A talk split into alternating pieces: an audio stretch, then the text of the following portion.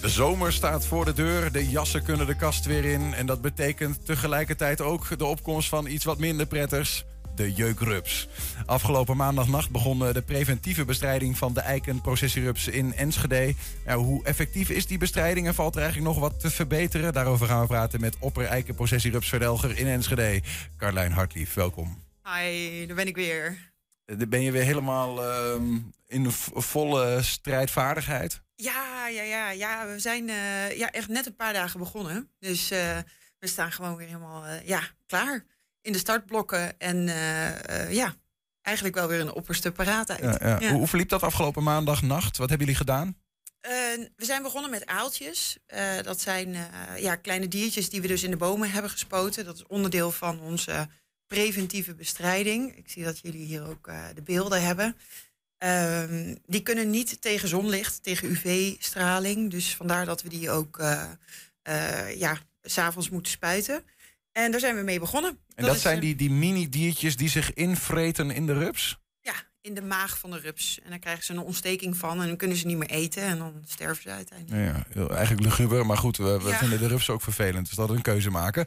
Ja, um, maar dat betekent dat die rupsen al wel zijn, uh, dat die al wel zijn uitgekomen, of niet? Ja, voor een groot deel wel. Uh, ja, niet ieder uh, einest is hetzelfde. zit hij meer in de zon, dan is die wellicht al veel eerder uitgekomen dan in, een, aan de, de koude kant van de boom.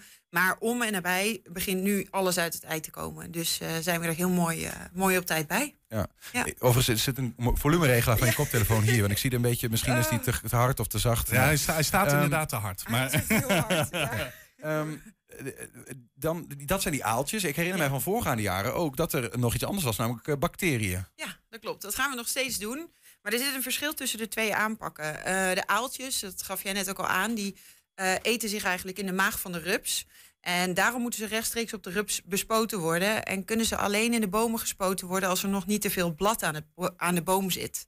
Anders dan raken we eigenlijk het grootste gedeelte van de bladeren en niet de rups. Ja, ja. En uh, nou ja, ik weet niet of jullie het hebben gemerkt aan hooikoorts of iets dergelijks. Maar de bomen die gaan echt als een malle nu bloeien. En die komen dus uh, ja, met hun bladeren weer uh, lekker in het groen te staan. En dan moeten we over naar bacteriën. En bacteriën spuiten we op de bladeren. En die bladeren eten de rupsen. En daar sterven de rupsen dan aan. Ah, Oké, okay, dus die, die komen nog, die ja, bacteriën. Ja, en maar... daar gaan we maandag of vrijdag al mee beginnen. Want het gaat heel hard met de bladeren. Ja, maar zijn er ook niet andere dieren die bijvoorbeeld die bacteriën ook opeten, die daar ook aan overlijden? Want ik, ik neem aan dat als dat op de bladeren zit, wordt door alle dieren wel uh, gegeten die daar rond uh, kruipen. Ja, er is, wat, er is nevenschade, zo noem, noemen we dat. Maar de eikenprocessierups is een van de eerste rupsen die uit het ei komt. Dus daardoor heel effectief als we die heel vroeg al in de bomen spuiten en uh, gericht op de eikenprocessierups. En ze worden ook alleen maar in de eiken gespoten. En er zitten ook heel veel dieren in andere bomen die gewoon uh, daar geen last van hebben. Ja, precies. Nou, en ik denk ook dat we uh, zo meteen nog even gaan praten over die beschermde vlindersoorten. Hè? Ja, maar, ja. Want dat, dat zorgt er voor wat kinken in de kabel, geloof ik, in de, in de bestrijding. Maar we, dat laten we zo meteen nog eventjes. Eerst even afgelopen jaar, um, voor mijn gevoel, misschien zelfs het jaar daarvoor. Uh, het waren gekke jaren natuurlijk sowieso. Maar heb ik volgens mij weinig, eigenlijk, alsof ze er helemaal niet meer waren. Komt dat door de bestrijding of zijn ze, het, hebben ze het hazenpad gekozen? Nou ja, zeker door de bestrijding. Want uh, uh, het hazenpad uh, pad hebben ze niet kunnen vinden, want ze zijn er nog steeds. Ze zijn er nog wel. Ze zijn er zeker, ja. ja wat, je, wat je je moet voorstellen is dat de rupsen vlinders worden. En die vlinders die leggen eitjes. En hoe minder rupsen er vlinders worden, hoe minder eitjes er weer voor het jaar daarna worden neergelegd en uit kunnen komen. Dus we hebben in 2000. 19 hebben we nog best wel een heel heftig jaar gehad. 2018, 19 was echt drama. Uh, voor jullie idee, we hadden meer dan 4000 meldingen in totaal van, van bewoners in Enschede die er last van hadden. Ja. Uh, het jaar daarna waren het er 2000. Dus dat was al een stuk beter. Ja. Maar dat betekent dus ook. Vorig dat, jaar? Uh, vorig jaar hadden we er bijna 300. Oké, okay, oké, okay. dat gaat de goede kant op. Ja. ja. Dat betekent dus ook dat er veel minder rupsen, dat kun je daaruit af, afleiden, uh, veel minder rupsen ook uh, ja, weer vlinder zijn geworden en dus eitjes hebben kunnen leggen. En nee, ja, natuurlijk komt dat door de bestrijding. maar we hebben vorig jaar ook een heel koud voorjaar gehad, waardoor heel veel rupsen het eigenlijk niet zo lekker vonden om uit hun ei te komen. Die wellicht blijven zitten tot het jaar daarna. Dus het is altijd een beetje spannend van, uh, gaat die bestrijding dit jaar genoeg zijn om de overlast eigenlijk het hoofd te bieden? Ja, zeker. Ja, het is echt een spel tussen mens en natuur en tussen de stad en het groen kun je wel zeggen. En uh, ja, daarbij zetten we ook heel erg in op het vergroten van die, een biodiversiteit. Dus hoe meer uh, verschillende bomen, uh, bloemen, plantjes, hoe meer verschillende dieren dat aantrekt. En daarmee ook meer natuurlijke vijanden van die rups. Ja, die koolmees bijvoorbeeld, die hem terug moet keren. Ja, bijvoorbeeld. Maar je hebt ook de sluipwesp, die echt wel lekker die rupsjes aan het eten zijn. En ja, dat, dat werkt natuurlijk ook mee. Dus hoe meer groen er in de stad is, hoe, hoe beter die balans is. En, ja. uh, dus het werkt op heel veel niveaus. Nou is het bekend dat er een straat in Enschede uh, is, hè, de Oosterstraat, waar de grote vos heet die geloof ik, nou, be een bedreigde vlindersoort huist. Ja. En daar mogen jullie niet bestrijden, omdat nee. die vlindersoort anders naar de knoppen gaat. En dat mag niet. Um, nou begrijp ik dat het aantal straten waar deze bedreigde vlindersoorten huizen uh, meer is geworden in Enschede. Ja, en dat is eigenlijk dus heel goed. Want okay. hoe meer vlinders en diertjes we in Enschede hebben, hoe meer uh, ja, biodiversiteit.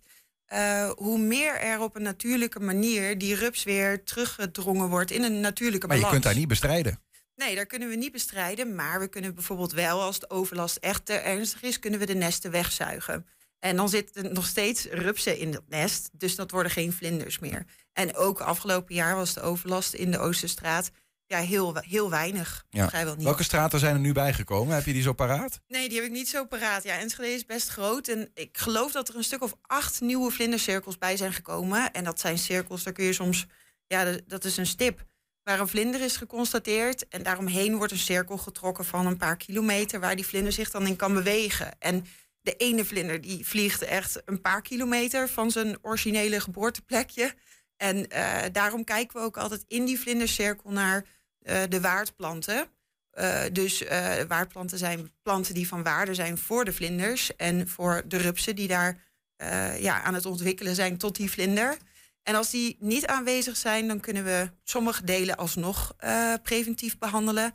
Maar zijn die wel aanwezig, dat betekent dat dat een heel waardevol stukje natuur is voor nou de natuurlijke vijanden van de eikenprocessierups of ja, bijzondere beschermde vlinders die je ja. toch. Uh, is een afweging die je geven. voortdurend maakt uh, daarin. Ja, en, en de vlinderkaart met die cirkels, die is ook echt leidend in hoe wij de preventieve bestrijding ja. uh, opzetten. Samen met de landelijke leidraad. Die, maar goed, grof gezegd, hè, het aantal uh, meldingen neemt af. Vorig jaar hadden we ook een, een koud uh, voorjaar, dat, dat hield mee. Maar ja, het aantal meldingen neemt af. Dus dat betekent ja. uh, dat het goed gaat. Betekent dat dat je dit jaar gewoon weer eenzelfde soort aanpak in die zin hanteert? Ja, zeker. Ja, vergelijkbaar. Want ja. het kostte, geloof ik, op een gegeven moment vorig jaar, twee jaar geleden, bijna een halve ton of een half miljoen voor de gemeente. Dat is ja. nog steeds zo. Nou, er zit natuurlijk een heel groot stuk uh, flexibele schil in. En dan kun je een beetje vergelijken met een strooibeleid.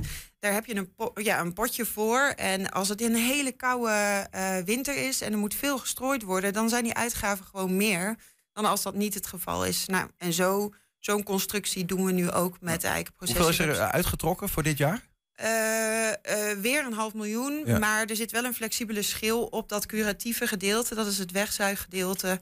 Uh, afhankelijk van ja, hoeveel overlastgevende nesten er dan uiteindelijk Hoe minder zijn. je hoeft weg te zuigen, hoe meer geld jullie bij de gemeente over hebben voor een biertje na werktijd? Of hoe nou, nee, zo werkt het niet. Ja, dat gebruiken we ook grotendeels voor die lange termijn aanpak. Dus ja, ja. het vergroten van de biodiversiteit. En ja, toch het onderzoeken naar hoe we steeds meer die balans tussen natuur en stad kunnen terugbrengen. Ja, tot slot dan over die lange termijn aanpak gesproken. Um, uh, heb je kans dat je je eigen werk uh, om zeep zit te helpen?